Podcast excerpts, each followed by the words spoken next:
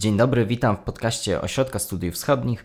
Dzisiaj trochę inny odcinek. Zazwyczaj wygląda to tak, że rozmawiamy z jednym lub z dwoma analitykami o mniej lub bardziej bieżącym problemie, zazwyczaj dotykającym jednego państwa lub relacji pomiędzy dwoma państwami. Dzisiaj będziemy za to mówić o całym regionie, regionie Europy Środkowej, gdyż wraz z zespołem środkowoeuropejskim doszliśmy do wniosku, że chcielibyśmy Państwu przedstawić taką naszym zdaniem bardzo ciekawą mapę ruchów nacjonalistycznych i skrajnie konserwatywnych właśnie w tym regionie. Jest to naszym zdaniem temat ciekawy i ważny, bo w wielu krajach te ruchy nacjonalistyczne dochodzą do głosu, mają niekiedy spore poparcie społeczne i mogą wpływać na proces rządzenia. Do grona takich oczywistych postulatów tych partii należą postulaty chociażby eurosceptyczne, więc też o nastrojach eurosceptycznych w regionie będziemy mówić, ale także chociażby o nastrojach antyromskich,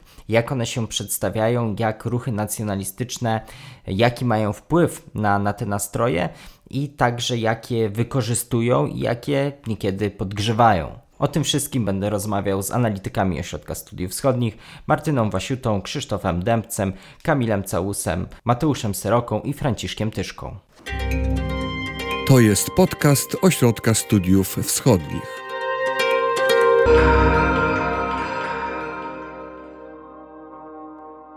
Takim pretekstem i też punktem wyjścia do naszej rozmowy, najpierw tej rozmowy, która odbyła się za kulisami, która doprowadziła nas do pomysłu, aby ten podcast przygotować, tym pretekstem były wybory w Rumunii. Gdyż tam partia AUR, partia nacjonalistyczna, osiągnęła niespodziewanie dobry wynik. Kamil Całus. Rzeczywiście w Rumunii podczas ostatnich wyborów parlamentarnych, które odbyły się w grudniu ubiegłego roku, to znaczy 2020 roku, ogromnym zaskoczeniem był e, wynik, świetny wynik partii, która w zasadzie w ogóle nie była notowana w sondażach.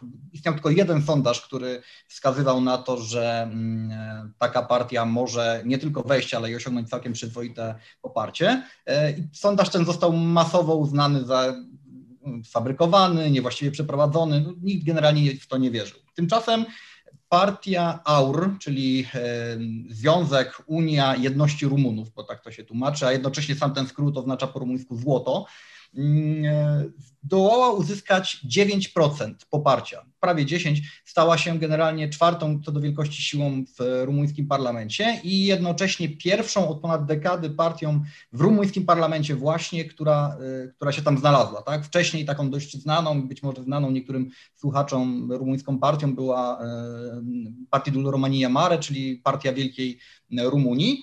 Potem przez wiele lat wydawało się, że te ruchy prawicowe, narodowe, nacjonalistyczne czy konserwatywne właściwie zostały zepchnięte na zupełny margines. No a tymczasem, tak, AUR osiągnęło taki wynik, jaki osiągnęło.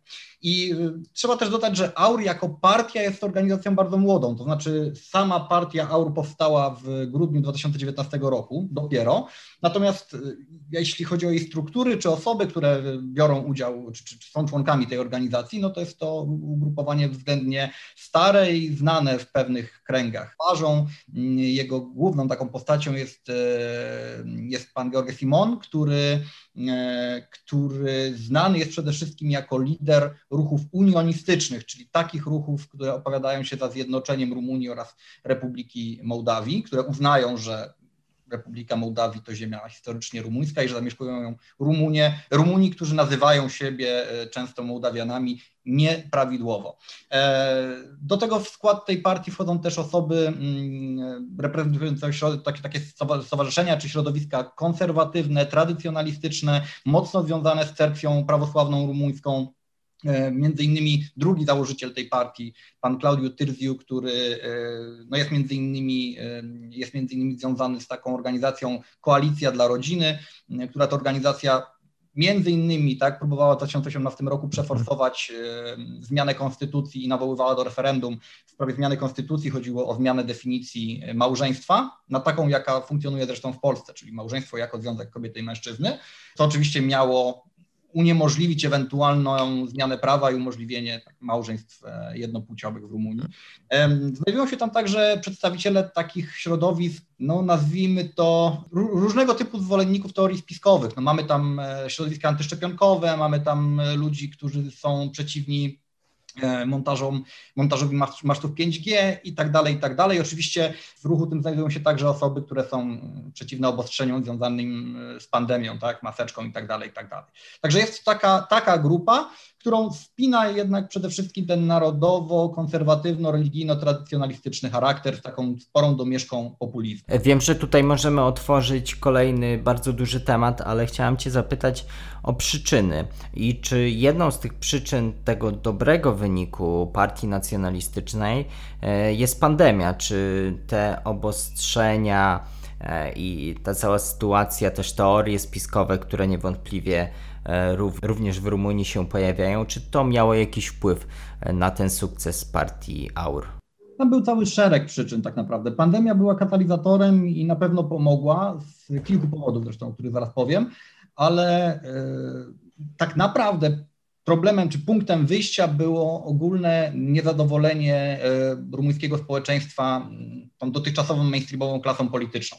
Dla większości Rumunów tak naprawdę scena polityczna w, w Rumunii podzielona jest między dwa główne ośrodki, ugrupowania. E, z jednej strony lewicową e, partię socjaldemokratyczną, z drugiej strony potężną tak, postkomunistyczną partię socjaldemokratyczną, a z drugiej strony partię narodowych liberałów, taką centroprawicową i to właściwie konflikt między tymi ugrupowaniami przez ostatnie lata dominował na rumuńskiej scenie politycznej. Obydwie te partie są postrzegane w tym czy innym stopniu jako takie już skompromitowane, skorumpowane, realizujące jakieś nie do końca jasne interesy, ale przede wszystkim interesy nie społeczeństwa, interesy swoich, e, swoich liderów czy członków tych partii.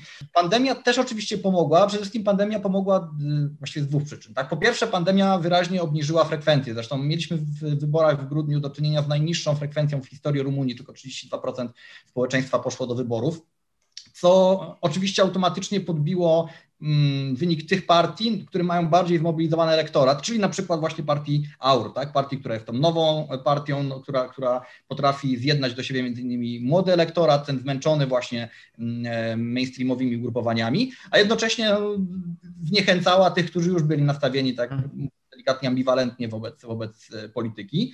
Jeszcze innym czynnikiem jest, e, jest kwestia diaspory. Zresztą w ogóle diaspora rumuńska to jest słowo klucz, jeśli chodzi o, o, o partię AUR. E, bo to w dużej mierze właśnie mieszkający poza granicami Rumunii, Rumunii, czy to w Unii Europejskiej, czy no przede wszystkim w Unii Europejskiej, mm, zagłosowali właśnie za AUR, dlatego że AUR była jedyną partią, która tak naprawdę w ogóle się losem diaspory przejmowała. To znaczy, to jest partia, która jako partia narodowa, nacjonalistyczna i konserwatywna uważa, że oczywiście Rumuni za granicą y, powinni nie tylko utrzymać związki z krajem, ale wręcz oczywiście powinni docelowo wrócić, tak? Są wartością, jak mówi partia AUR i ma to wpisane w programie, Rumunia jest wszędzie tam, gdzie są Rumuni, więc jakby to Rumuni stanowią, stanowią Rumunię. Mhm. Więc partia, partia ta po prostu broniła starała się mówić y, o diasporze i o interesach diaspory. Tymczasem inne partie albo o tym nie mówiły, właściwie nie skupiały się szczególnie na tej, na tej kwestii, albo wręcz wyrażały się w sposób, który no, diaspora mogła negatywnie postrzegać. Na przykład w związku z pandemią oczywiście spora część, ponad milion ludzi, a trzeba dodać, że około 5 milionów Rumunów tak naprawdę jest poza granicami kraju to jest e, kraj liczący sobie poniżej 20 milionów, około 19 milionów mieszkańców, także bardzo dużo. E, politycy mainstreamowi wręcz wprost na przykład wzywali Rumunów do tego, by nie wracali do kraju e, w związku z pandemią, no właśnie dlatego, żeby nie, nie, nie, nie ściągać wirusa, nie przywlekać wirusa do, do, do kraju. E, na Facebooku, w różnych grupach rumuńskich pojawiały się oskarżenia wobec e, migrantów zarobkowych, właśnie takie, że oni tak tu przyjeżdżają, przywloką wirusy. Nie ma zresztą też jakiejś szczególnej estymy e, czy szacunku wobec diaspory rumuńskiej w Rumunii. No to są, oni są uważani za zbieraczy truskawek, tak, pracujących na zmywaku i tak dalej, i tak dalej. Więc tu nagle pojawiła się partia, która powiedziała: Nie, wy jesteście nasi, jesteście członkiem naszego narodu, jesteśmy z was dumni, wy jesteście odpowiedzialni za to, że zmienia się wizerunek Rumuna za granicą na pozytywny, więc to ewidentnie także wpłynęło na, mm, na, na tą popularność. partii AUR i myślę, że to były te, to były te kluczowe tak hmm. naprawdę elementy, które do tego doprowadziły. Przenieśmy się teraz do Bułgarii, tam tych stronnictw nacjonalistycznych jest dużo i jest te, ta grupa ideowa bardziej E, rozbita, ale jak kształtuje się to poparcie dla tego typu formacji? Jakie one mają oparcie w społeczeństwie i też jak to się przekłada na politykę? E, bułgarski, e, bułgarskie środowisko nacjonalistyczne przede wszystkim dzieli się na partie parlamentarne i ugrupowania pozaparlamentarne. O tych drugich nie będę specjalnie tutaj się rozwodził. E, natomiast obecnie w parlamencie mamy trzy partie nacjonalistyczne, które w 2016 roku przy okazji wyborów prezydenckich zawiązały koalicję Zjednoczeni Patrioci i udało im się razem, znaczy najpierw uzyskać dobry wynik e, w wyborach prezydenckich, e, gdzie ich, e, ich kandydat zebrał 15% głosów mm, i zajął trzecie miejsce w wyborach, natomiast potem 10%, 9, ponad 9% głosów zebrali w 2017 roku w wyborach parlamentarnych mm, i weszli do koalicji rządowej, tak? czyli są to partie, które współrządziły lub współrządzą nadal nadal Bułgarią i tutaj no właśnie trzeba zacząć się zagłębiać, ponieważ generalnie są dwie duże partie nacjonalistyczne, które bardzo często wchodzą do parlamentu albo same, albo jako część koalicji szerszej. E, jedna to jest Ataka Wołena Siderowa, e, i to jest partia bardzo już taka radykalna, nacjonalistyczna, otwarcie prorosyjska i ona potrafiła samodzielnie osiągnąć od powiedzmy 4,5 do, do nawet 10% poparcia. E, natomiast drugą jest WMRO-BND, to jest skrót od Wewnętrzna Macedońska Re Organizacja Rewolucyjna, Bułgarski Ruch Narodowy. To jest partia Krasimira Karakaszanowa, człowieka, który był właśnie kandydatem na prezydenta ze strony Zjednoczonych Patriotów w 2016 roku, a obecnie jest wicepremierem Bułgarii. E, i ministrem obrony. E, natomiast trzecią partią, która weszła do, do Zjednoczonych Patriotów jest Narodowy Front Ocalenia Bułgarii, który jest najmniejszą z tych partii. On zasadniczo dopiero teraz niedawno zaistniał jako, jako takie bardziej rozpoznawalne środowisko. Niemniej e, wciąż jest, zasiada w łapach parlamentarnych. Natomiast e, co do losów samej, same losy tej koalicji są dosyć ciekawe, ponieważ ona zaczęła się kwiać w posadach już w 2019 roku. To była koalicja, którą bardzo często szarpały jakieś wewnętrzne konflikty. Było to też między innymi spowodowane tym, że jakby na fastrygę postrzewane są partie, które z jednej strony właśnie Ataka, która jest bardzo prorosyjska i bardzo radykalna w swoich, w swoich hasłach e, anty, na przykład unijnych czy antyzachodnich, a z drugiej strony jest bardziej umiarkowane w MRO, i które miewa czasem jakieś tendencje prorosyjskie, ale nie jest to jakby ich stały punkt programu. Natomiast trzecią partią to jest e, ten Narodowy Front Ocalenia Bułgarii, którego, który dla odmiany był często bardzo antyrosyjski, więc, y, więc w związku z powyższym y, ta, w tej koalicji ciągle dochodziło do jakichś e, tarć i w rezultacie już w 2019 roku została z tej koalicji wyrzucona, zresztą też przy dużym wsparciu głównego, głównej partii rządzącej Bułgarią, czyli e, obywatelami na rzecz europejskiego rozwoju Bułgarii, premiera Bojko Borisowa, została wyrzucona ataka. E, następnie koalicja teraz w 2021 roku rozpadła się tuż przed wyborami, ponieważ okazało się, że ani WMRO, ani Narodowy Front nie chcą iść razem do wyborów, e, szczególnie WMRO. E, uważało, że, że, że partia Simonowa jest kulą u nogi, więc te partie teraz idą zupełnie oddzielnie. Tak będzie Ataka oddzielnie, WMRO samodzielnie i NFSB, NFSB ze swoim jakimś tam planem na wybory. Są to środowiska, które generalnie y, oscylują właśnie wokół 9-10%. Ale łącznie? Zjednoczenia, Zjednoczeni Patrioci mieli właśnie około 9% poparcia, więc też te, te, ich sojusze wyborcze były wynikiem tego, że, że y, w pewnym momencie zaczęło spadać poparcie dla tych ruchów i one mogły się, um, mogły się dostać łatwiej do grupą do, do parlamentu. Y, I natomiast jest to mniej więcej mm, jakaś stała grupa ludzi, którzy na nich głosują. Tak? To, jest, to widać, że jakby maksymalnym pułapem tych partii jest te 15%, które zdobył Krasimir Karakaczanow E, w wyborach prezydenckich, natomiast, e, natomiast w wyborach parlamentarnych no to jest z reguły 10%, 10%, które tam oczywiście jeszcze część głosów idzie na inne partyjki mniejsze, e, które nie dostają się do parlamentu. Jeśli chodzi o program tych partii, no to coś, co jest właśnie kwestią łączącą środowiska bułgarskich nacjonalistów, to jest na pewno konserwaty, deklarowany konserwatyzm obyczajowy i przywiązanie do tradycji narodowych. E, i akcentowanie bardzo ważnej, czy wręcz państwotwórczej roli e, bułgarskiej cerkwi prawosławnej i do, do, tego stopnia, że na przykład WMRO ma wpisane w swój program, e, że to powinno być w ogóle kościół państwowy. Drugim punktem, który ich e, z pewnością łączy, no to jest niechęć do Romów. Trzecim punktem jest mniejszy lub większy sceptycyzm wobec e, jakby europejskiego mainstreamu. No, oczywiście naj, największy jest w przypadku ataki, natomiast relatywnie najmniejszy jest e, WMRO, e, które, które uważa już tej, ma wpisane oficjalnie w swoim programie, że, że, że zarówno przynależność do Unii Europejskiej, jak i NATO jest pewnym osiągnięciem cywilizacyjnym bułgarskim i należy, go, należy to uszanować. I e, bardzo ważne w tych, dla tych partii jest, też są kwestie demograficzne, e, które bardzo często wiążą się z, z kwestią romską i niechęcią do Romów, a także e, coś, co jest właściwie powszechne w Bułgarii, to jest bardzo duży sceptycyzm i niechęć wobec Turcji. Tutaj pojawiło nam się kilka punktów stycznych, nie tylko pomiędzy tymi różnymi grupami nacjonalistów bułgarskich, ale to są także punkty styczne z innymi ugrupowaniami nacjonalistycznymi, o których mówiliśmy o których będziemy e, tutaj mówić i rozmawiać.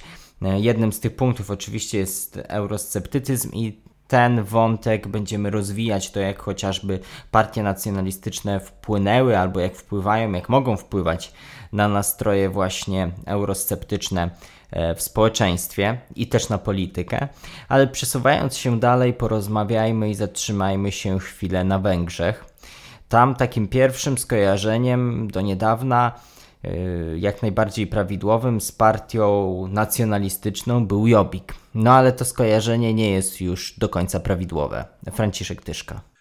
Tak, e, zaskoczę naszych słuchaczy, bo e, na tych złych Węgrzech, które mają najgorszą e, prasę w regionie, obecnie na węgierskiej scenie politycznej nie ma partii skrajnej, e, prawicowej.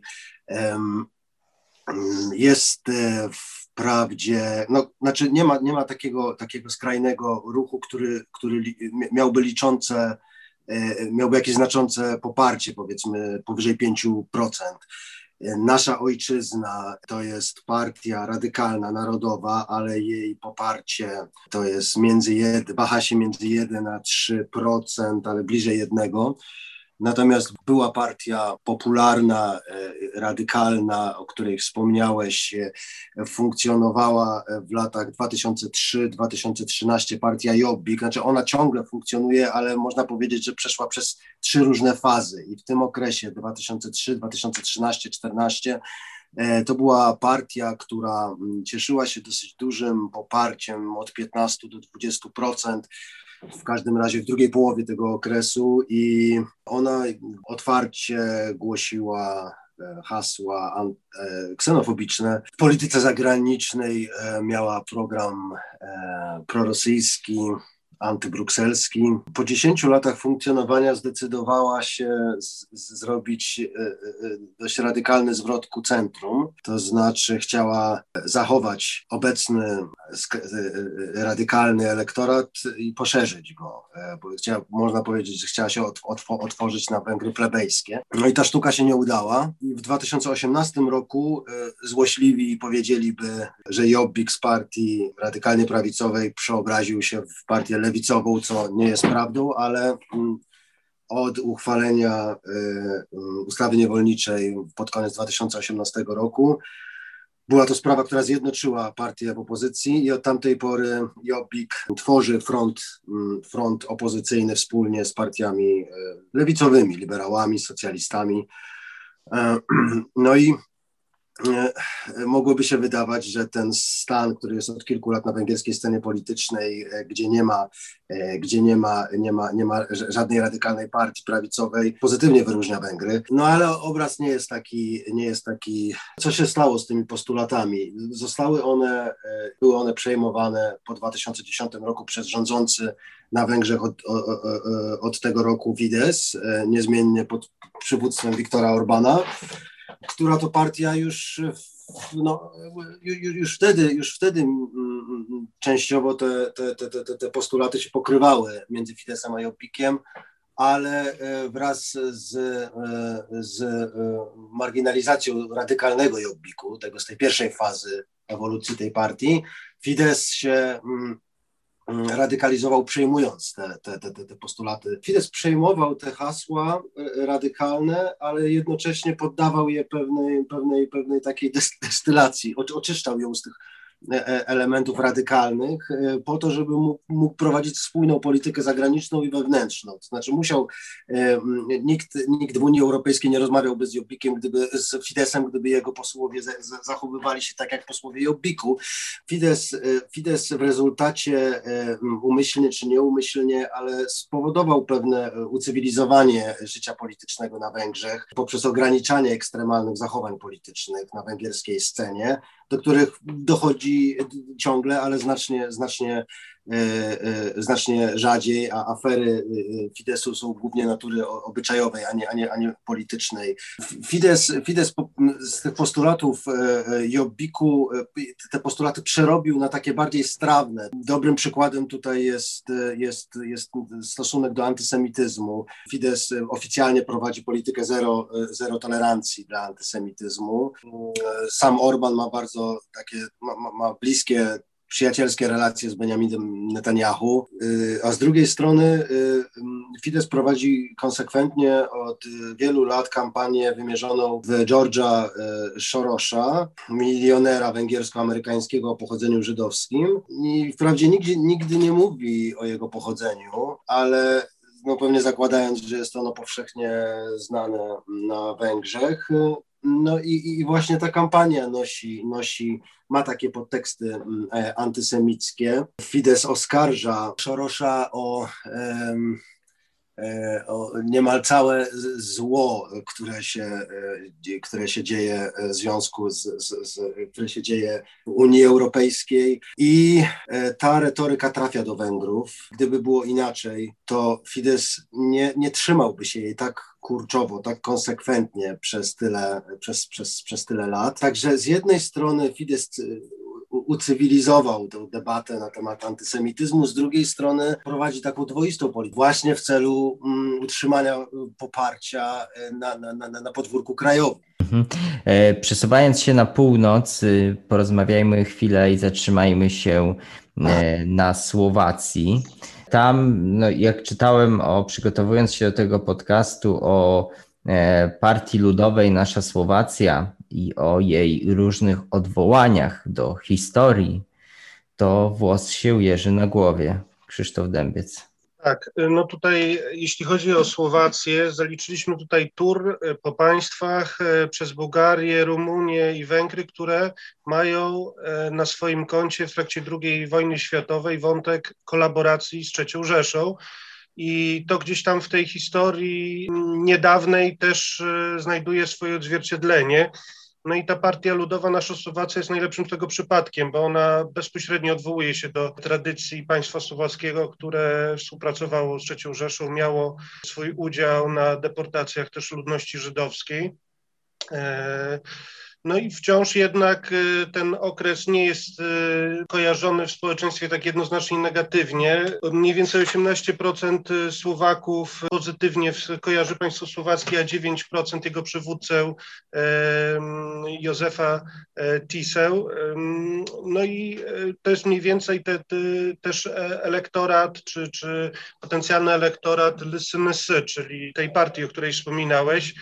Ona w wyborach przed mniej więcej rokiem rokiem dostała 8% poparcia przy dość dużej frekwencji 66%. W wyborach do Parlamentu Europejskiego niespełna rok wcześniej nawet 12%, przy czym przy znacznie niższej, znacznie niższej frekwencji około 13%. Jest to partia, która z jednej strony faktycznie przyciąga tym, przyciąga radykalizmem i wyrasistością e, część Słowaków, ale z drugiej strony też e, te, te poglądy, one sprawiają, że jest ona konsekwentnie marginalizowana na słowackiej scenie politycznej. E, jej europosłowie w Parlamencie Europejskim należą do żadnej frakcji politycznej też znajduje się obecnie e, w dużym kryzysie wewnętrznym. E, szef partii, Marian Kotleba, który jeszcze mniej więcej przed dziesięcioma laty w mundurze wzorowanym na e, tych słowackich z II wojny światowej stał na czele antyromskich pochodów. Teraz jest, został na razie nieprawomocnie skazany na cztery lata i cztery miesiące pozbawienia wolności za e, używanie symboliki ekstrem, e, ekstremistycznej. W tym momencie czeka na potwierdzenie tego wyroku przez Sąd Najwyższy. E, no i w, w, partii postanowił umocnić swoją pozycję. To spotkało się, e, to spotkało się z e, buntem kilku takich czołowych działaczy, którzy odeszli z partii, prawdopodobnie niedługo założą nowy podmiot.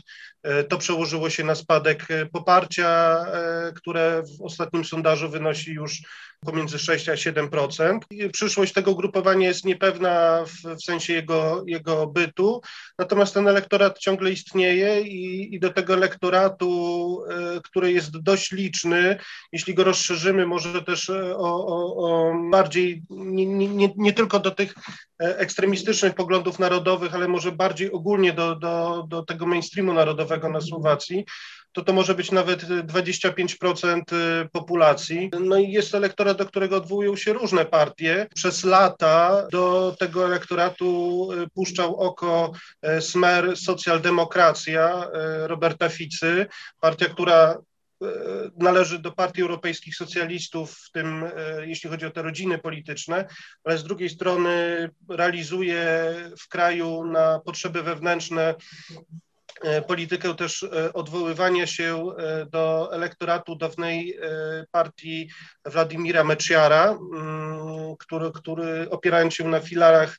obietnic socjalnych, ale też pewnego takiej, pewnej retoryki suwerennościowej, obietnic zachowania status quo zarówno w kwestii stabilności takiej materialnej, jak i stabilności w kwestiach światopoglądowych. No na Słowacji E, w kwestiach światopoglądowych mamy dwie takie kontrowersyjne kwestie. Jedna dotyczy e, ewentualnego, ewentualnych zmian prawa aborcyjnego, które w tym momencie należy do najbardziej liberalnych, a z drugiej strony próby liberalizacji ustawodawstwa dotyczącego mm, związków e, jednopłciowych. Tu Słowacja należy do tych kilku państw Unii Europejskiej, które, które mm, nie mają tego prawnie uregulowanego, znaczy nie dopuszczają takich e, związków partnerskich ani małżeństw. E, więc Smer obiecuje, że tutaj nic nie będzie zmieniał, odwrotnie niż lewica zachodnioeuropejska, a jednocześnie też e, odwołuje się e, do, do, do tej retoryki suwerennościowej, co było bardzo mocno widoczne w trakcie kryzysu uchodźczego, mm, zwłaszcza od 2015 roku. To było bardzo mocno eksponowane w trakcie ówczesnej kampanii wyborczej przez Smer, który obiecywał, że obroni Słowację, Ku temu też wykorzystywał posiedzenia Grupy Wyszehradzkiej, ale już jeśli e, będziemy chcieli to przełożyć na e, politykę europejską, to nie znajdowało odzwierciedlenia. To jest też taka specyfika, że e, inny przekaz to ugrupowanie stosowało do publiki wewnętrznej, a inny na zewnątrz. Słowacja ostatecznie przyjęła symboliczną liczbę uchodźców. E, jako jedyne państwo Grupy Wyszehradzkiej e, uniknęło sporu przed Trybunałem Sprawiedliwości e, Unii Europejskiej w Luksemburgu.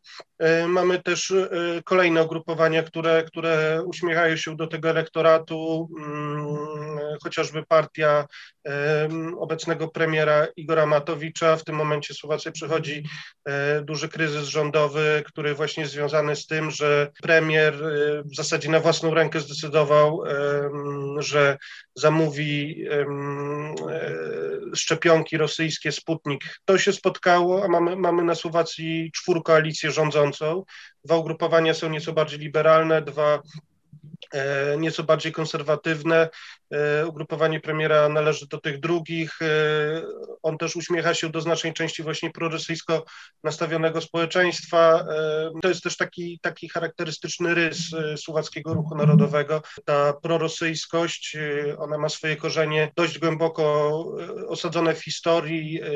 Jeden z twórców, można powiedzieć, że praojców obecnej Słowacji, Ludowicz Sztur, on, on też promował tę ideę panslawistyczne. Dwa lata temu został uznany za drugiego najwybitniejszego Słowaka w ogóle w historii. Te, takie gesty do, w stosunku do Rosji też e, co jakiś czas wykonywał Smer, aczkolwiek jak to w przypadku Smeru bywa, też w przypadku polityki europejskiej Smeru bywało, e, niekoniecznie szły za tym jakieś twarde zobowiązania. E, tak więc z jednej strony mamy, mamy Smer, który się odwołuje do tego elektoratu, mamy partię premiera, dalej mamy partię Smerodina, która e, jesteśmy rodziną oligarchy Borisa Kolara, która, która też e, bardzo mocno eksponuje retorykę antyimigracyjną.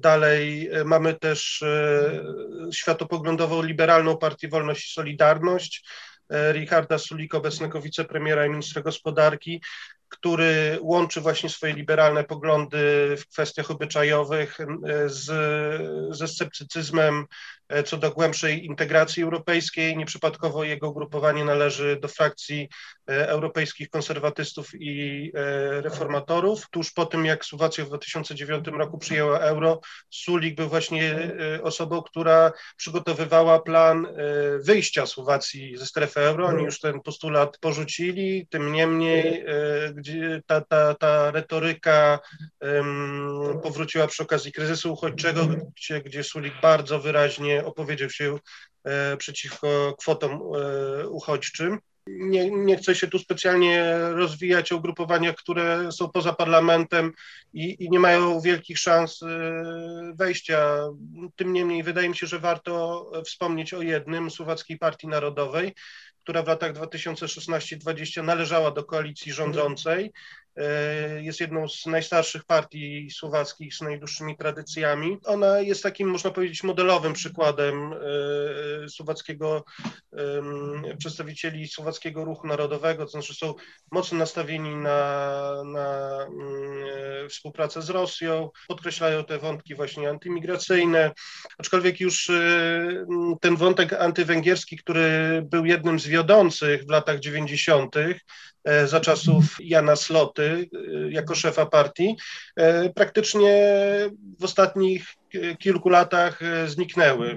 Jej, jej okres u władzy to jest bardzo harmonijny, znaczy relatywnie harmonijne współżycie zarówno z teoretycznie lewicowym smerem, jak i partią w dużej mierze reprezentującą mniejszość węgierską Most Hit. To, to, to już nie są te czasy, gdzie, gdzie jeszcze przed 20 laty właśnie Jan Slota nie wiadomo czy do końca trzeźwy wzywał na mitingu partii dać się do czołgów i zrównać Budapeszt z ziemią. Przenieśmy się więc jeszcze na zachód do Czech.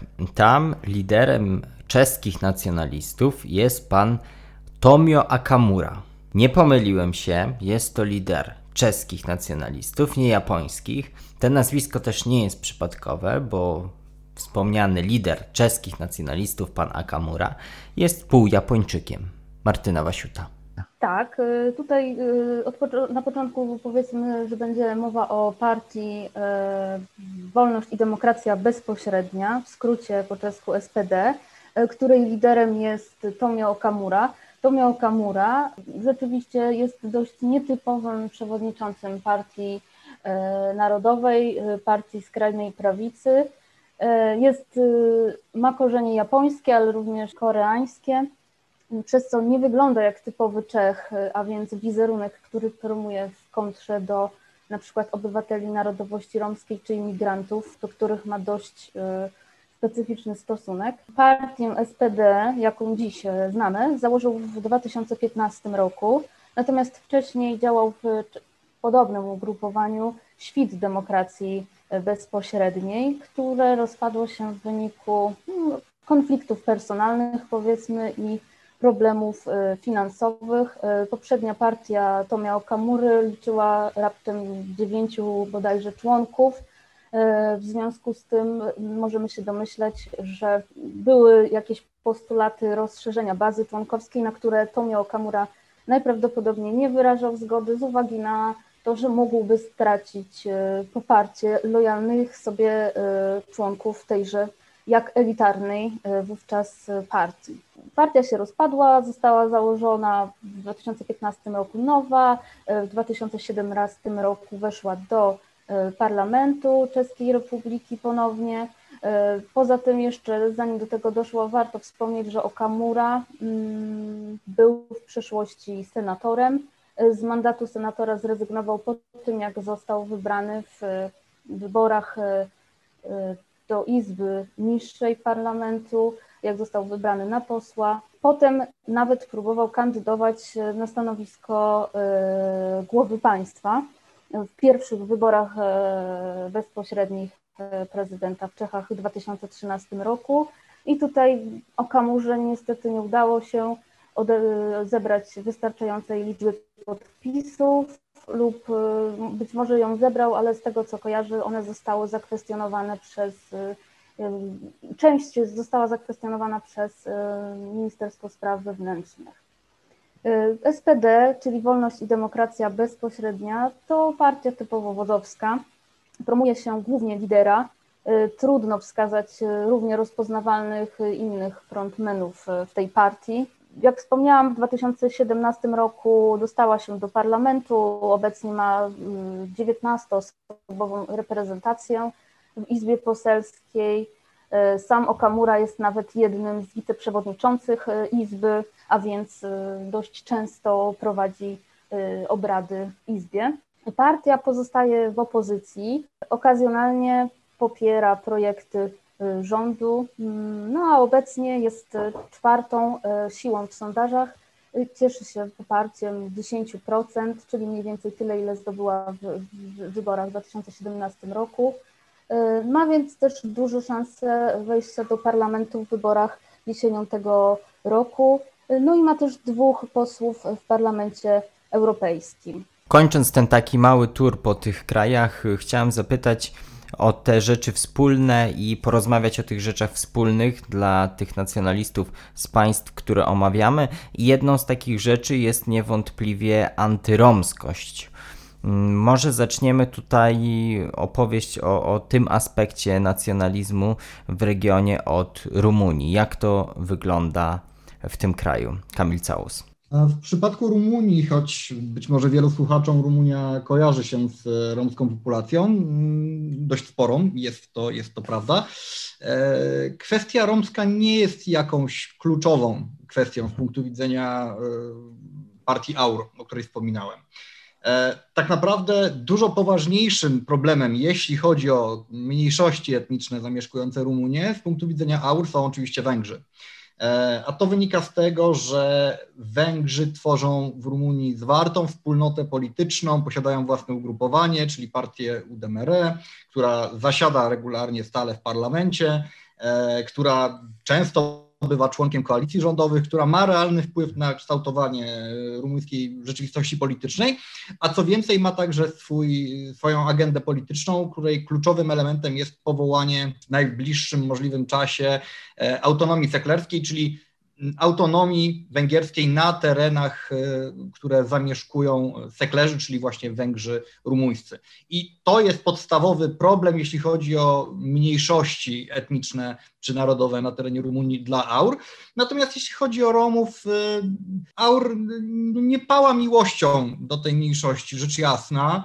E, ale Romowie nie są silnie zorganizowani. Mają oczywiście swoje organizacje, mają swoje ugrupowania, ale ani nie starają się wywalczyć jakiejś autonomii, no bo też żyją w rozproszeniu, ani też nie stanowią pod tym względem zagrożenia. Raczej jeżeli AUR w ogóle, aha, no i co ważne, tak, nie mają także jakiegoś zewnętrznego wsparcia politycznego, w przeciwieństwie do Węgrów, którzy znajdują e, silne wsparcie Bukaresztu, znajdują, przepraszam, Budapesztu, znajdują silne wsparcie w w osobie samego premiera Orbana i jego ugrupowania. W drugą stronę też to tak wygląda, Franciszek Tyszka? No, na, na Węgrzech e, problem romski w odróżnieniu od Rumunii to największa mniejszość na Węgrzech, mniejszość narodowa e, licząca według ofi oficjalnych statystyk, wydaje mi się, że, że jeśli dobrze pamiętam, do, do, do 500 tysięcy, a nieoficjalnie e, więcej, 700-800. Ludność ta zamieszkuje najbiedniejsze regiony kraju, e, północno-wschodnie Węgry. Wydaje się, że Węgrzy są, że, że, że uprzedzenia antyromskie wśród Węgrów są, są, są, są mocniejsze niż, niż wobec e, innych e, mniejszości. Nie pamiętam dokładnie sondaży, ale przeprowadzone kilka lat temu wskazywały na to, że połowa Węgrów nie chciałaby mieć, no, połowa albo blisko połowa, może trochę mniej, nie chciałaby mieć e, Roma e, w rodzinie. Sam założyciel Jobbiku, Gabor Wona, e, prezes Jobbiku był założycielem gwardii węgierskiej, a ta urządzała rajdy na, na, na romskie, romskie wsie. Dosyć często, które przebijały się do mediów, to było niepokojące zjawisko 10 lat temu na Węgrzech, czego jednym z rezultatów zapewne e, tego właśnie rezultatem też, e, znaczy mogłyby, mogłyby, mogły być morderstwa dokonane przez e, radykałów węgierskich na, na Romach z, z lat 2009-11. Obecnie z tego, co pamiętam, w ostatnich dwóch latach e, nasza ojczyzna zorganizowała jeden, może dwa takie, takie, tak, tak, tak, takie wyprawy właśnie do osad romskich. Podniosły się zarzuty wobec Fidesu, że, że, że nie podjął żadnych, żadnych e, środków, aby e, takim, takim wypadom, takim wyprawom zapobiec. E, na pewno te nastroje antyromskie silne są w Bułgarii, tam już wcześniej no, wspominałeś, Mateusz, mówię do Mateusza Seroki, e, o, o tym, że jest to coś, co te partie łączy, ale jak dużym zjawiskiem społecznym jest ta, ta antyromskość? Jak możemy to określić, na ile to, to jest problem powszechny, a na ile jest to po prostu domena skrajnych, y, skrajnych ugrupowań. Podobnie jak na Węgrzech, nie wiadomo ilu tych Romów tak naprawdę jest w Bułgarii. Oficjalnie jest to ponad 370 tysięcy. Y, działacze romscy mówią około nawet milionie, czy nawet więcej niż milionie, z prostego względu, że część Romów identyfikuje się w spisach powszechnych jako Turcy bądź e, Bułgarzy. Mm, tak więc często nacjonaliści po prostu um, operują środkową liczbą, mówią 500-600 tysięcy ludzi mm, i rzeczywiście jest też tak, no tutaj można nawiązać do tego, co, co, co Franek mówił o, o, o tych nastrojach wobec, wobec Romów, że są tutaj, jak czytałem w, w programie WMRO, to są to tak zwani profesjonalni bezrobotni, to znaczy są to ludzie, którzy właśnie biorą środki socjalne na, na to, które mogłyby przypadać Bułgarom, którzy rzeczywiście biorą nie tylko i wyłącznie wtedy, kiedy e, tracą pracę i tak dalej, a oni to naprawdę nigdy nie mają pracy, albo prawie nigdy nie mają pracy, ewentualnie gdzieś coś na czarno dorobią, ale e, pomoc socjalną biorą. To, to jest rzeczywiście zjawisko takiej niechęci wobec Romów jest dosyć powszechne, ono jest e, szczególnie duże tam, gdzie są, gdzie są po prostu osiedla romskie, E, czy w dużych miastach, w niektórych dzielnicach jest to, jest to widoczne i szczególnie starsze pokolenie jest bardzo wyraźnie negatywnie nastawione do tych, do tych ludzi. Głównie właśnie ze względu na to, że jest no, często nie, nie, nie, bez, nie, bezpod, nie bezpodstawne przeświadczenie, że, że po prostu przynajmniej część tej społeczności żeruje na, na systemie socjalnym. No i druga sprawa to to, że oni się po prostu też i nie integrują. Jest bardzo duży problem z gettoizacją Romów, co też ci nacjonaliści podkreślają, z tym, że e, dzieci romskie w większości nie kończą nawet szkół podstawowych, e, co zresztą potem jest e, powodem do, do stawiania przez nacjonalistów zarzutów takich, że niskie płace w Bułgarii są w niemałym stopniu wywołane przez, są, są jakby prowokowane przez, przez Romów, którzy nie, nie mają dobrego wykształcenia, e, podejmują się niskopłatnych prac, więc, e, więc jakby na, jakoby napędzają właśnie e, negatywne zjawiska na rynku pracy w Bułgarii. Mm, no i, do, i dodatkowo jeszcze kwestia no, przestępczości, głównie takiej drobnej, tak, która jest e, w wielu miejscach po prostu uciążliwa dla mieszkańców i na tym też e, nacjonaliści bułgarscy żerują w swojej retoryce antyromskiej. To na przykład Narodowy Front Ocalenia Bułgarii ma, postuluje prawo wyborcze, ale dla ludzi, którzy potrafią na mowie, w mowie i piśmie dobrze posługiwać się językiem bułgarskim, ponieważ dla wielu Romów, którzy są, którzy mieszkają w takich o, o, osiedlach odciętych, czy, czy raczej takich wsobnych, jest problemem to, że, że oni albo mówią w romanii, czyli w języku tym, tym romskim, bądź e, na przykład po turecku, jeśli mieszkają w, takiej, w, okolicy, w okolicy, w której dominuje mniejszość e, turecka. E, jest to, jest to ewidentny problem, że rzeczywiście ci ludzie potem stykając się z administracją bułgarską nie bardzo potrafią sobie poradzić, bo ten język bułgarski u nich jest taki no, dosyć e, kiepski. E, o Słowacji trochę, już troszkę powiedzieliśmy w kontekście romskim, ale to pogłębmy.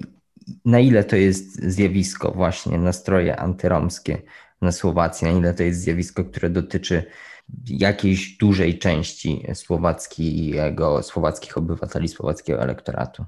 Tak, ja tutaj wspomniałem w poprzednim wejściu o Kotlebie, który stał na czele y, pochodów antyromskich. Nie chciałem, żeby pozostało takie wrażenie, że, że to jest codzienność Słowacji. Owszem, y, Romowie stanowią znaczący odsetek y, słowackiego społeczeństwa, e, drugi najwyższy po Bułgarii, OECD szacuje to na 9%. Natomiast cho chociaż odbija się to na, w polityce, są, są zarówno politycy, którzy starają się do tego elektoratu odwoływać, jak i tacy, którzy grają na e, negatywnych sentymentach. E, do tych pierwszych należy chociażby obecny premier Igor Matowicz, który też e, działaczy społeczności romskiej umieścił na swojej liście. E, jedyny europoseł z jego partii jest Romem i doradza mu właśnie w tych kwestiach. Jego nazwisko to zresztą Polak. Z kolei były premier Robert Fico z, z tego powodu nazywa Matowicza cygańskim premierem, więc, więc mamy tutaj pewnego rodzaju skrajności. Jeszcze, jeszcze zarządów Smeru z kolei nominowany przez tę partię e, minister spraw wewnętrznych e, od czasu do czasu fotografował się na tle e, osad romskich i mówił o tym, że nie będzie żadnej tolerancji dla przestępstw. Także wydaje mi się, że, że, że trzeba to wyważyć. A kwestia romska jest obecna w czeskim nacjonalizmie? Kwestia romska jest jak najbardziej obecna w programie politycznym e, partii Tomiał Kamury, Wolność i Demokracja Bezpośrednia. Tutaj trzeba zacząć od tego, że jest to partia populistyczna i też model takiej partii przedsiębiorczej. E, to oznacza, że ona jest ukierunkowana na nastroje społeczne Czechów. Partia promuje tak zwanych wrogów wewnętrznych, którymi właśnie walka ma jednoczyć wyborców no i jednym z takich wyrogów e, właśnie jest e, e, nieprzystosowany Rom. SPD promuje sylwetkę tak zwanego nieprzystosowanego Roma, a więc Roma, który zamiast podejmować pracę jak przyzwoity Czech, przyzwoity Czech to też jest model właśnie promowany przez partię Okamury, ale też przez prezydenta Zemana, którzy są związani akurat podejściem do kwestii romskiej, właśnie mm, między innymi e, promowaniem takich pojęć jak właśnie nieprzystosowany Rom czy, czy przyzwoity Czech. W każdym razie partia SPD promuje model e, nieprzystosowanego Roma, Roma, który właśnie wyzyskuje państwo, czerpiąc z niego środki, pomoc społeczną, różnego rodzaju zasiłki, zamiast ewentualnie też Roma, który jest, ma problem z prawem, konflikt, popada w konflikt z prawem, Roma zadłużonego. I tutaj badania opinii publicznej pokazują właśnie na wieloletni trend niechęci wobec, niechęci Czechów wobec obywateli narodowości romskiej. Jeszcze inne też pokazują, że, że Romowie należą do grona narodowości najbardziej y, antypatycznych zdaniem Czechów, obok na przykład y, Arabów. W zasadzie od początku istnienia Republiki Czeskiej większość respondentów y, zawsze miała negatywny stosunek do mniejszości romskiej. Nigdy nie spadł on poniżej 60% badanych. Natomiast postrzeganie Romów w dobrym świetle nigdy nie osiągnęło nawet 10%. Tutaj dużo, dużą rolę odgrywa też prezydent Zeman, który od czasu do czasu właśnie mm, wystąpi z takim komunikatem antyromskim. Jak wiadomo, prezydent Zeman ma duży wpływ na opinię publiczną w Czechach, jest jedną z najbardziej zaufanych e, osób na najwyższych szczeblach władzy, w związku z tym te nastroje e, są obecne. E, no i wykorzystuje je Tomio e, Okamura również podczas e, swoich wystąpień publicznych, ale również w mediach społecznościowych, które są bardzo obfite w różnego rodzaju materiały, które mają dyskredytować bądź też w negatywnym świetle ukazywać na przykład członków mniejszości romskiej. Jak już jesteśmy przy Czechach, to zatrzymajmy się tam na chwilę, bo chciałbym wam, bo chciałbym was zapytać, o nastroje eurosceptyczne w waszych krajach i zaczniemy właśnie od Czechów, bo tam ta partia, o której rozmawiamy, czyli Wolność i Demokracja Bezpośrednia, ona postuluje referendum w sprawie wyjścia Czech z Unii Europejskiej. To znaczy y, wyniki badań Eurobarometru, y, jedne z ostatnich wskazują, że mm, prawie 25% Czechów zagłosowałoby za wystąpieniem ich kraju z Unii Europejskiej, gdyby odbywało się referendum. E, i to jest jeden z najwyższych odsetków wśród państw członkowskich e, w Unii Europejskiej, a jednocześnie tam 47% e, opowiedziałaby się za pozostaniem w Unii. No i te nastroje eurosceptyczne również, jako że Tomio Okamura wykorzystuje, również wykorzystuje eurosceptycyzm. Jego partia Wolność i Demokracja Bezpośrednia przejawia właśnie ten twardy sceptycyzm, y, co oznacza, że postuluje tak zwany Czexit, y, czyli wystąpienie Czech y, z Unii Europejskiej, której upatruje źródła problemów, ale też zagrożenie dla tożsamości i bezpieczeństwa Czech. SPD Okamury, czyli Wolność i Demokracja Bezpośrednia, prezentuje członkostwo w Unii Europejskiej jako dyktat, dyktaturę, Unii Europejskiej, tak? I też e, swoje opinie stara się uwiarygadniać w oczach wyborców, na przykład spotkaniami z innymi liderami partii narodowych, e, innymi partiami eurosceptycznymi. I tutaj bardzo głośnym echem odbiła się w 2019 roku, odbiło się spotkanie przywódców partii w Pradze na placu Wacława. Została zorganizowana demonstracja zwolenników partii Tomia Okamury, podczas której też wystąpiła e, Marine Le Pen z francuskiego Zgromadzenia Narodowego, czy właśnie też lider e, Partii Wolności holenderskiej e, Gert Wilders, więc generalnie te nastroje są dość głośno też prezentowane w mediach.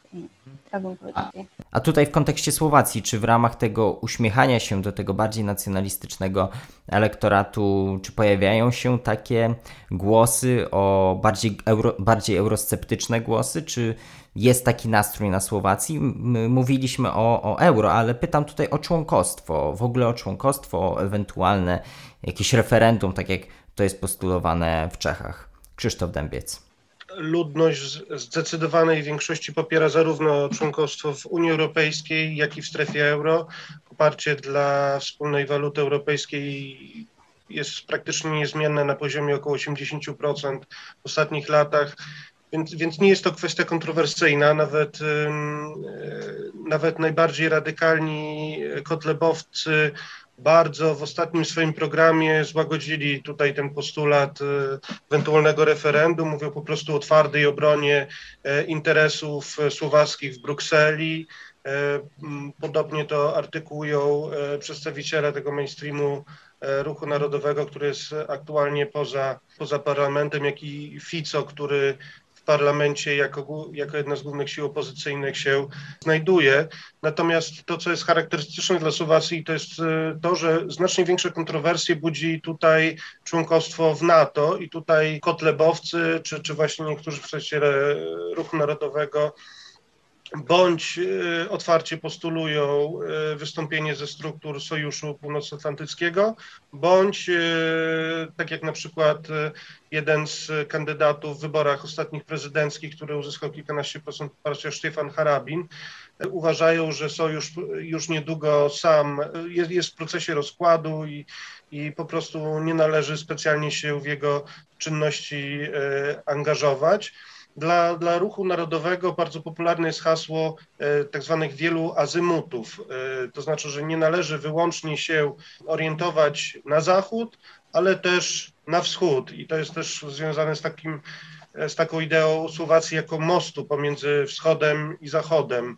Narodowcy, w, jeszcze będąc w koalicji rządzącej w poprzedniej kadencji e, parlamentu, akcentowali hasło, że Słowacja jako mały kraj niewiele może zyskać na sporach e, z większymi, natomiast może na tym wiele stracić, a, a wiele może zyskać w roli e, takiego mediatora, który nie krzyczy za głośno, ale stara się ugrać jak najwięcej dla siebie. A jak to się przedstawia, jeśli chodzi o Węgrów? Bo tutaj e, mówiliśmy o tym, że Fidesz przejął i trochę sprawił bardziej umiarkowanymi pewne postulaty partii e, nacjonalistycznych, w tym e, zwłaszcza oczywiście Jobiku, e, ale pytanie brzmi, czy tak się też wydarzyło z tymi postulatami związanymi z integracją europejską, czy w ciągu ostatnich lat, gdy, gdy Fidesz przejmował tych borców nacjonalistycznych, czy Fidesz stał się bardziej eurosceptyczny, czy w ogóle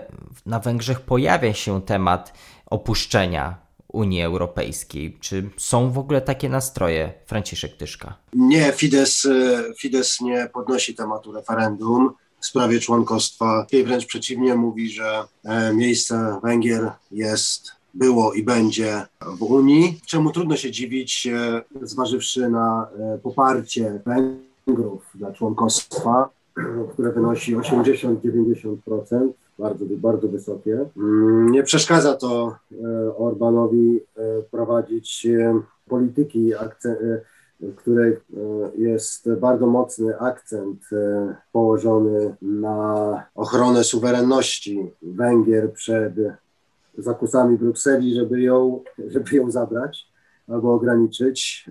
Ta krytyka Brukseli ma też drugą stronę, to jest polityka silnie prorosyjska, Natomiast krytyka Brukseli, czy też szerzej Zachodu, je, odgrywa bardzo ważną rolę w polityce Fidesu.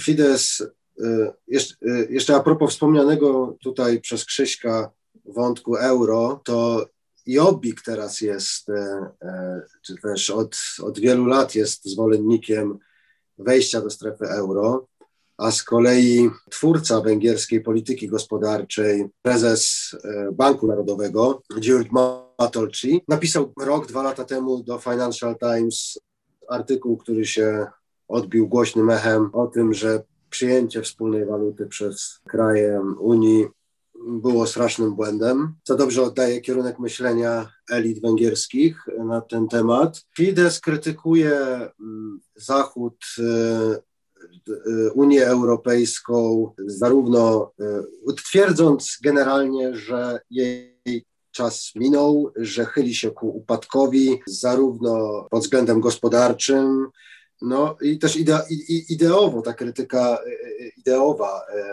jest, wybrzmiewa też głośno w wypowiedziach Orbana i polityków, e, najważniejszych polityków węgierskich.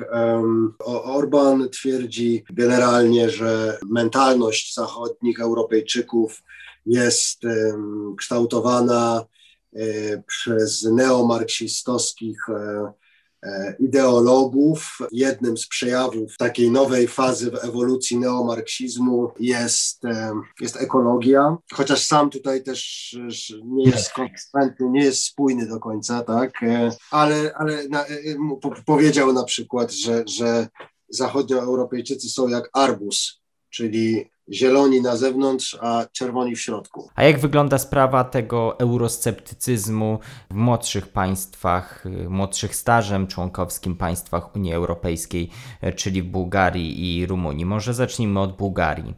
Czy tam teraz jest więcej tych nastrojów eurosceptycznych, czy jak to się przedstawia? Mateusz Seroka.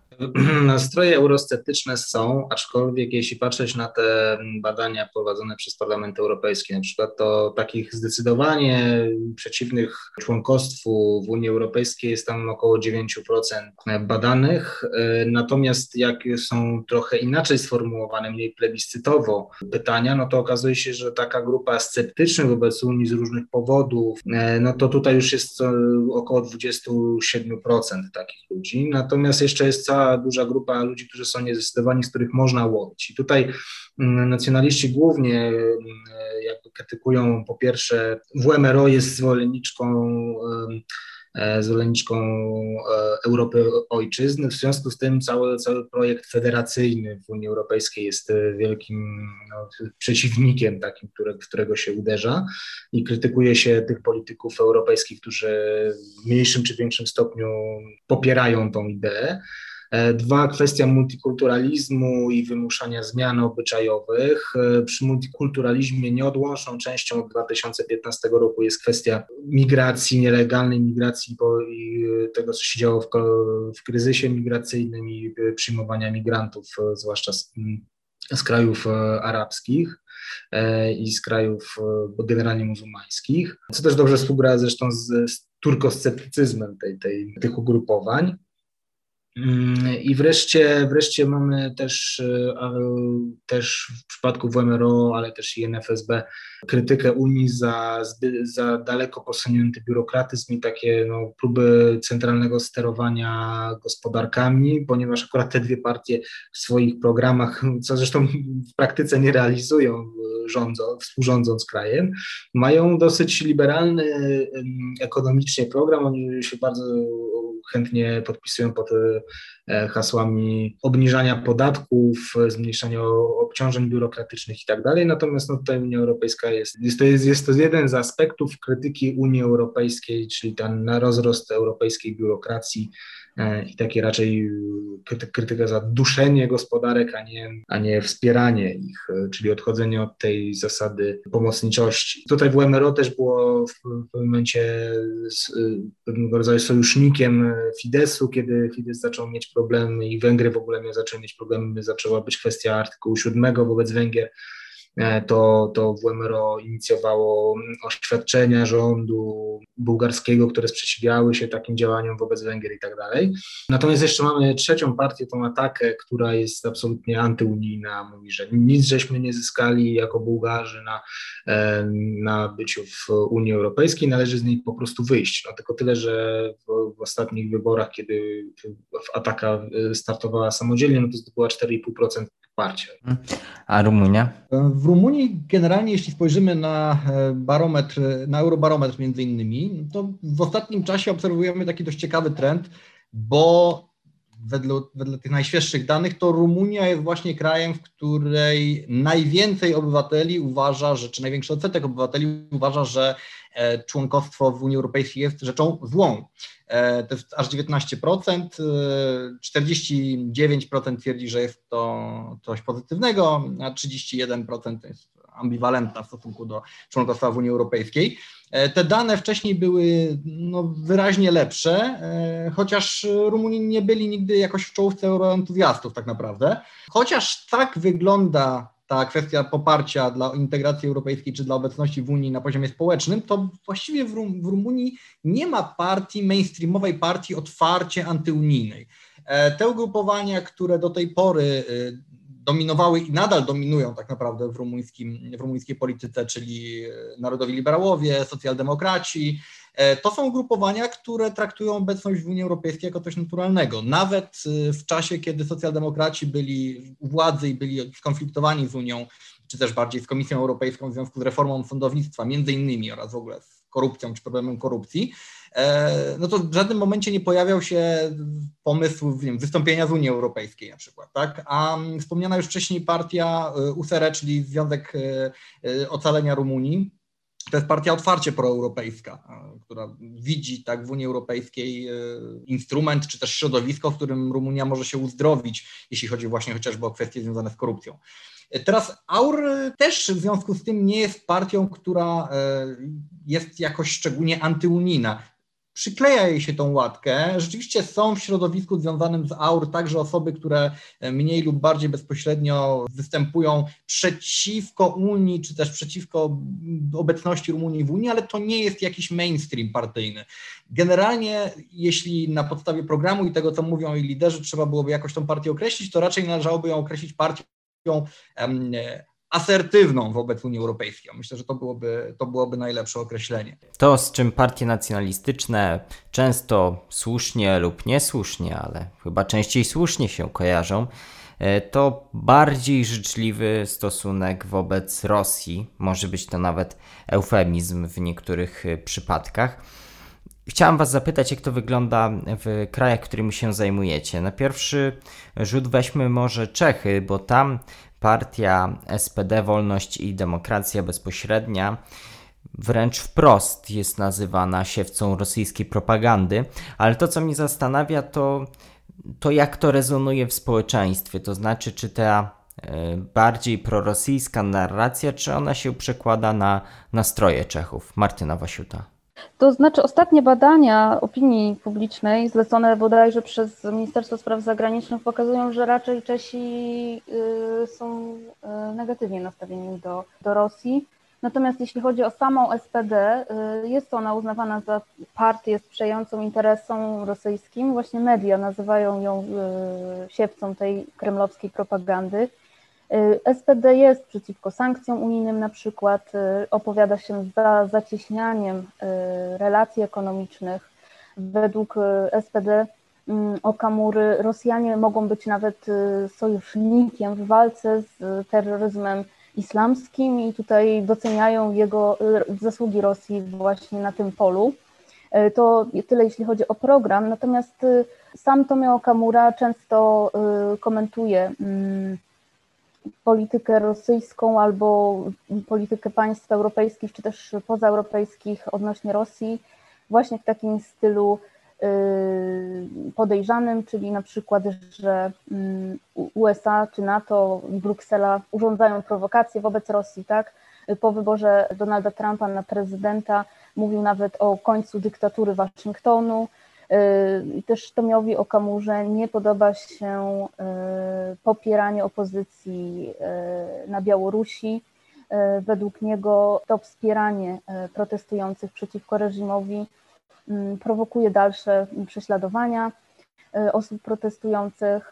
No i tutaj też od czasu do czasu pojawiają się artykuły dziennikarzy śledczych o tym, że członkowie SPD, właściwie prawa ręka Tomio Kamury utrzymuje kontakty biznesowe z, z, z Rosjanami. Y, oczywiście tutaj bezpośrednich powiązań trudno się, trudno do, udowodnić, tak, te bezpośrednie powiązania, natomiast y, retoryka czasami jest e, tutaj podejrzana. Słowację już wywołałem, więc pójdźmy tym tropem. E, ta polityka, nawet słowacka, nawet w ostatnich dniach możemy zauważyć, że Matowicz zdaje się uśmiechać do tego prorosyjskiego elektoratu. Dokładnie tak jest. Partia premiera w wyborach przed rokiem uzyskała 25% E, poparcia. Obecnie to poparcie jest na poziomie 10%.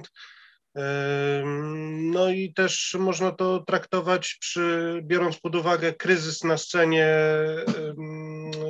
ruchów narodowych na Słowacji, można to interpretować właśnie w, jak, jako uśmiechanie się do tego elektoratu. No, na Słowacji, Słowacja, podobnie jak i Bułgaria, społeczeństwa tych państw wyróżniają się na tle regionu, jeśli chodzi o pozytywne postrzeganie nie tylko Rosji jako takiej, jej kultury, tradycji i tak ale też obecnej polityki Kremla. W przypadku Słowacji trzeba też jednak zaznaczyć, że nawet pozytywnie nastawione, eksploatujące ten temat E, przez lata Smer e, nie podejmował tu jakichś daleko idących decyzji, a wręcz w niektórych e, punktach ich decyzje były sprzeczne z wolą Kremla. To znaczy Słowacja od lat sprzeciwia się na przykład budowie gazociągu Nord Stream 2. Nie wynika to bynajmniej z jakiejś antypatii do, do Rosji, ale po prostu z trzeźwej oceny własnych interesów, gdzie, gdzie gazociąg północny, kolejna jego nitka e, zmniejsza tranzytową rolę Słowacji. E, Słowacja też w ostatnich kilku latach e, zainwestowała ogromne pieniądze w modernizację swojej armii, ale bynajmniej nie zastępowała starzejącego się rosyjskiego czy jeszcze sowieckiego sprzętu nowymi produkcjami rosyjskimi. E, ale właśnie amerykańskimi produktami. E, mówimy o śmigłowcach Black Hawk e, czy myśliwcach F-16 w najnowszej wersji. Także mamy tutaj, ale też z drugiej strony Słowacja nie, nie, nie decyduje się na jakieś pokazowe akcje i gdy mm, większość państw albo spora część państw regionu wydalała dyplomatów rosyjskich w związku ze sprawą utrucia Sergeja Skripala, E, Słowacja nie zdecydowała się na taki krok. Podobnie było z e, sankcjami rosyjskimi, o ile Słowacy nie chcieli być e, tymi, którzy protestują w Unii, w Unii łamią unijny kompromis więc e, poparli go. Natomiast na potrzeby wewnętrzne suflowali retorykę, że sankcje są nieskuteczne e, i że odpowiadają za setki e, straconych miejsc pracy dla Słowaków. To przejdźmy do Bułgarii. Tutaj, jak rozumiem, możemy wyszukiwać, doszukiwać się pewnych analogii, ale wydaje mi się, że z tych krajów, które omawiamy, to jednak tutaj ta prorosyjskość jest najsilniejsza. Mateusz Seroka. W Bułgarii około 37-40 paru procent e, społeczeństwa jest, takim, jest taką grupą, która jest mniej lub bardziej e, pozytywnie nastawiona do Rosji. To wynika przede wszystkim z kwestii historycznych, ponieważ e, no, ten dzień, w którym nagrywamy tą audycję. To jest, jest świętem państwowym w Bułgarii. Jest to święto odzyskania niepodległości, które jest, to odzyskanie niepodległości jest w dużej mierze dziełem wojsk rosyjskich. To się działo w XIX wieku, w 1878 roku. E, I w ten sposób Bułgaria wróciła na mapę Europy po 500 latach przebywania no, pod, pod okupacją turecką. W związku z powyższym te nastroje, one wobec, szczególnie wobec Rosjan, także i Rosji e, są jakby, są jakby naturalne podglebie dla, te, dla takich dobrych relacji i postrzegania Rosji. I tutaj podobnie jak na Słowacji, e, Bułgaria dołączyła się do sankcji, ale zarówno premier, jak i prezydent, e, nie mówiąc już o nacjonalistach, lubią na, na wewnętrzne po, potrzeby podgryzać właśnie te sankcje, mówić, że one są nieskuteczne, są szkodliwe tak naprawdę bardziej dla Europy niż dla Rosji i tak dalej, i tak dalej. No i właśnie te, robić jakieś e, interesy energetyczne z Rosjanami, takimi jak e, bułgarska nitka e, gazociągu Turkstream, czy też właśnie nie wydalić dyplomaty w momencie, kiedy wydalamy go w przypadku no, kwestii otrucia Skripal, Syria Skripala. E, I e, w związku, z, w związku z tym jest e, potencjał, który przede wszystkim wykorzystuje Ataka, bo Ataka jest partią otwarcie prorosyjską. To jest partia, która uznała aneksję Krymu. Dla nich Krym jest od 2014 roku rosyjski, nie ukraiński. To jest partia, która w 2014 roku nawoływała do obalenia rządu ze względu na to, że się dołączył do sankcji unijnych na na Rosję, ale z drugiej strony w momencie, kiedy weszła do koalicji rządowej, ta retoryka została mocno stępiona, aż ostatecznie zostali wyrzuceni z koalicji, tak jak na początku wspominałem.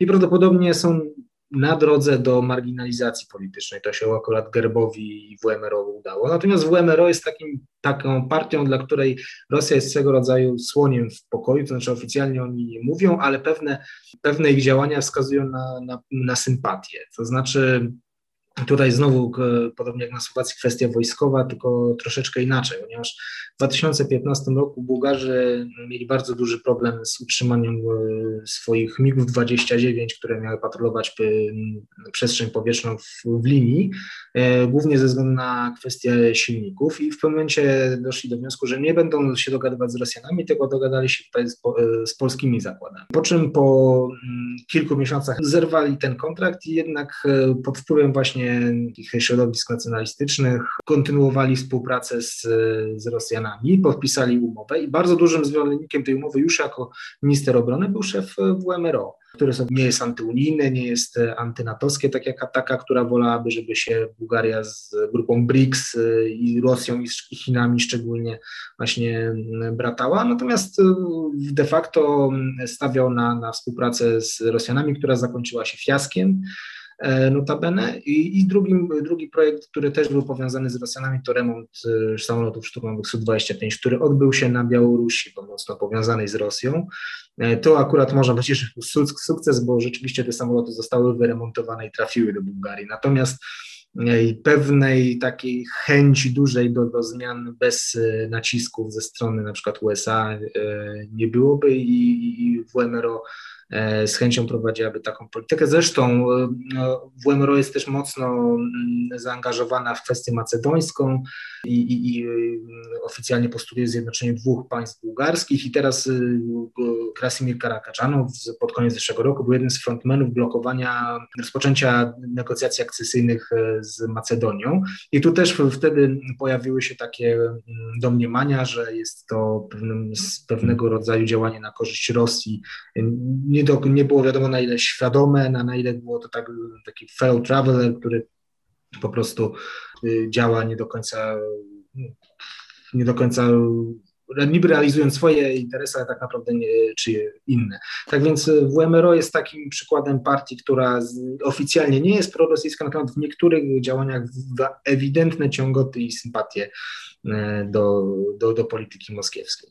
Za to jeśli chodzi o Rumunię, to z tymi powiązaniami partii AUR z Rosją jest, zdaje się, właśnie tak mniej więcej jak z tym przywołanym właśnie słoniem w pokoju, czyli są pewne poszlaki, są pewne rzeczy widoczne, społeczeństwo pewne rzeczy zauważa, ale dowodów brak na takie bezpośrednie powiązania. Tak, dokładnie tak. E, wiele środowisk e, przeciwnych AUR zarzuca jej powiązania z Rosją, czy to jako partii, jako całości, czy właśnie poszczególnym postaciom w tej partii. No ale faktycznie mocnych dowodów nie ma. Są pewne poszlaki. E, poszlaki te przede wszystkim dotyczą powiązań części osób należących do tej partii, na przykład reprezentantów koalicji rodzin, o których, czy koalicji dla rodziny, o której mówiłem wcześniej, czy też kandydata na premiera z ramienia tej partii, pana Kalina Georgescu, z e, środowiskami bliskimi, czy też związanymi z, z, z Duginem, panem Duginem, który jest ideologiem, rosyjskim ideologiem zbliżonym do, czy właściwie ideologiem Władimira Putina. E, osoby, osoby mm, związane z AUR były także odpowiedzialne, tak w każdym razie się mówi, za organizację pierwszej jak do tej pory wizyty właśnie Dugina w Rumunii. E, do tego dochodzą pewne poszlaki dotyczące związków między cerkwią, rumuńską cerkwią prawosławną, no a rosyjską cerkwią prawosławną, jak mówiłem wcześniej, w, w ramach AUR funkcjonują osoby, które z cerkwią rumuńską są blisko, no i tutaj tak od prawosławia rumuńskiego do prawosławia rosyjskiego też ma być niedaleko, ale generalnie bardzo mocnych dowodów nie ma, szczególnie, że w Rumunii nie ma nastrojów prorosyjskich ani środowisk prorosyjskich. Rumunia ma mniej więcej taki sam stosunek do Rosji, zarówno historyczny, jak i teraz z Rosją. Rosję uważa za zagrożenie dla swojego bezpieczeństwa Co więcej, e, szczególnie w przypadku Aur jest to ważne, wielu ludzi w Rumunii uważa i obwinia Rosję za to, że Rumunia nie jest kompletna, tak? za oderwanie od Rumunii tego, co dzisiaj jest Republiką Mołdawii no, tak się de facto działo. Tak? Fakt, że powstała Republika Mołdawii zaczął się od tego, że w 1812 roku Rosja anektowała te tereny, Imperium Rosyjskie. Więc e, wydawałoby się, że jakakolwiek bliska relacja z Rosją idzie kompletnie pod prąd narracji aurowskiej, ideologicznej i to zresztą sam lider tej partii, czyli pan, pan Simeon podkreślał wielokrotnie, że no, jak oni mogą być prorosyjscy, skoro przecież otwarcie rywalizują z Rosją o Mołdawię na przykład, tak chociażby o Mołdawię. Ale prawda jest taka, że mimo, że na takim gruncie bezpośrednim e, nie ma mowy o wspólnocie interesów, to ponieważ partia ta jest konserwatywna, tradycjonalistyczna, występuje w obronie rodziny, to na tym gruncie nawiązuje kontakty, czy jest w stanie nawiązać pewien dialog z podobnymi środowiskami po stronie rosyjskiej, tak? No bo Rosja putinowska także się odwołuje do tradycji, do tradycyjnego chrześcijaństwa, do obrony praw, e, do, do obrony takiego tradycyjnego porządku, ról społecznych i tak dalej, i tak. No i tutaj to też się, to też się przewija. Także powiedziałbym tak, że nie ma dowodów na to, że AUR świadomie współpracuje z Rosją, natomiast nie ma wątpliwości co do tego, że działania AUR są na rękę, wiele działań AUR jest na rękę Rosji. No jeżeli partia y, na przykład tak występuje, mm, czy posiada, posiada program, który buduje napięcia między Rumunami a Węgrami chociażby, Rumunami a Ukraińcami, dlatego że na terenie Ukrainy również mniejsza, mieszka mniejszość rumuńska i, i oskarża Ukraińców o to, że prawa tej mniejszości, czy uciskają tą mniejszość. No to z perspektywy Rosji jest wygodne, tak, to, że dochodzi do takich konfliktów. Pewna destabilizacja wewnętrzna związana właśnie z tym, że AUR promuje taki, a nie inny program społeczny czy obyczajowy, no też jest wygodny w tym sensie, że to rozwija po prostu, e, czy, czy destabilizuje scenę polityczną. No i wreszcie ten asertywny wobec Unii Europejskiej program, e, który może się przerodzić w agendę antyunijną otwarcie, również jest na rękę Rosji. Zresztą Rosja w osobie, czy w instytucji ambasady rosyjskiej na przykład otwarcie wspierała referendum, które środowiska związane z dzisiejszym AUR organizowały referendum, o którym wcześniej wspominałem, dotyczące definicji rodziny, tak, no bo to było małżeństwa, no bo to było coś, co jak najbardziej wpisywało się w tą linię tradycjonalistyczną. Stosunki węgiersko-rosyjskie to temat y, bardzo dobry na cały oddzielny podcast, ale tutaj chciałam zapytać, bo rozmawiamy o takich bardziej społecznych rzeczach i chciałam zapytać właśnie nie o relacje stricte tych dwóch państw i podejście, do Wiktor- i podejście Wiktora Orbana.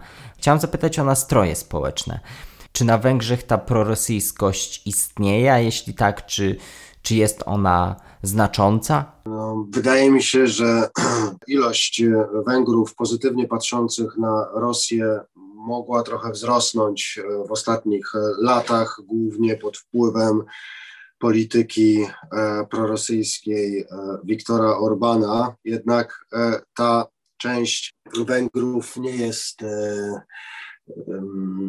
nie pamiętam w tej chwili sondaży, nie da się polityką prorosyjską prowadzoną przez 5, 7, 10 lat zmienić historycznie zakorzenionego, ukształtowanego e, sceptycyzmu e, e, Węgrów wobec e, Rosji, znaczy sceptycyzmu. No, mm, Orban sam przed 2010 był bardziej sceptyczny wobec Rosji niż, niż, niż, niż e, nastawiony pozytywnie e, i optymistycznie na współpracę z nią. W odróżnieniu od Jobbiku, który od 2008 wojny rosyjsko-gruzińskiej mm, trzymał stronę Rosji, podobnie jak, z aneks, podobnie jak po aneksji Krymu. Do największej e, afery w ostatnim dziesięcioleciu doszło właśnie e, w związku z zarzutami wobec jednego z głównych działaczy Jobbiku, Bejli Kowacza, e, dotyczącymi jego związków z rosyjskimi służbami specjalnymi. Gdy Bejla, Bejla Kowacz był europosłem w Brukseli, kontaktował się z, z rosyjskimi służbami, przekazując im informacje na temat polityki energetycznej Węgier, sytuacji wewnętrznej kraju, od czego nadano mu później przydomek KG Bejla, już nie był Bejla Kowacz, tylko KG Bejla, tak go nazywano na Węgrzech. jeśli chodzi o stosunek Węgrów do, do Rosji, to wydaje mi się, że tutaj inaczej niż w stosunku do Unii Europejskiej, Orban idzie raczej pod prąd mm, nastrojom społeczeństwa węgierskiego. Tutaj na dzisiaj postawimy kropkę. Dziękujemy Państwu za wysłuchanie tego podcastu. Przepraszamy za to, że jakość dźwięku mogła być nieco gorsza niż jest to zwykle w naszych podcastach, ale chcieliśmy, aby tutaj było spojrzenie z wielu krajów, więc wiele osób chcieliśmy nagrać, wielu analityków, a przez sytuację pandemiczną nie mogliśmy się spotkać osobiście, więc nagrywaliśmy to zdalnie, stąd ta jakość mogła być troszeczkę mniejsza. Zapraszam tradycyjnie do wysłuchania poprzednich podcastów i do zajrzenia na nasz kanał na YouTubie. Tam oprócz takich filmów powiedzmy to mini dokumentalnych, przygotowujemy także cotygodniowe podsumowania publikacji tego, co uważamy za ważne. Także zachęcamy do obejrzenia także tych materiałów. Są one dostępne na naszym głównym kanale na YouTube. Tymczasem mówię Państwu do usłyszenia następnym razem w kolejnych odcinkach podcastu Ośrodka Studiów Wschodnich. Wysłuchali Państwo podcastu Ośrodka Studiów Wschodnich. Więcej nagrań można znaleźć na stronie www.osw.waw.pl.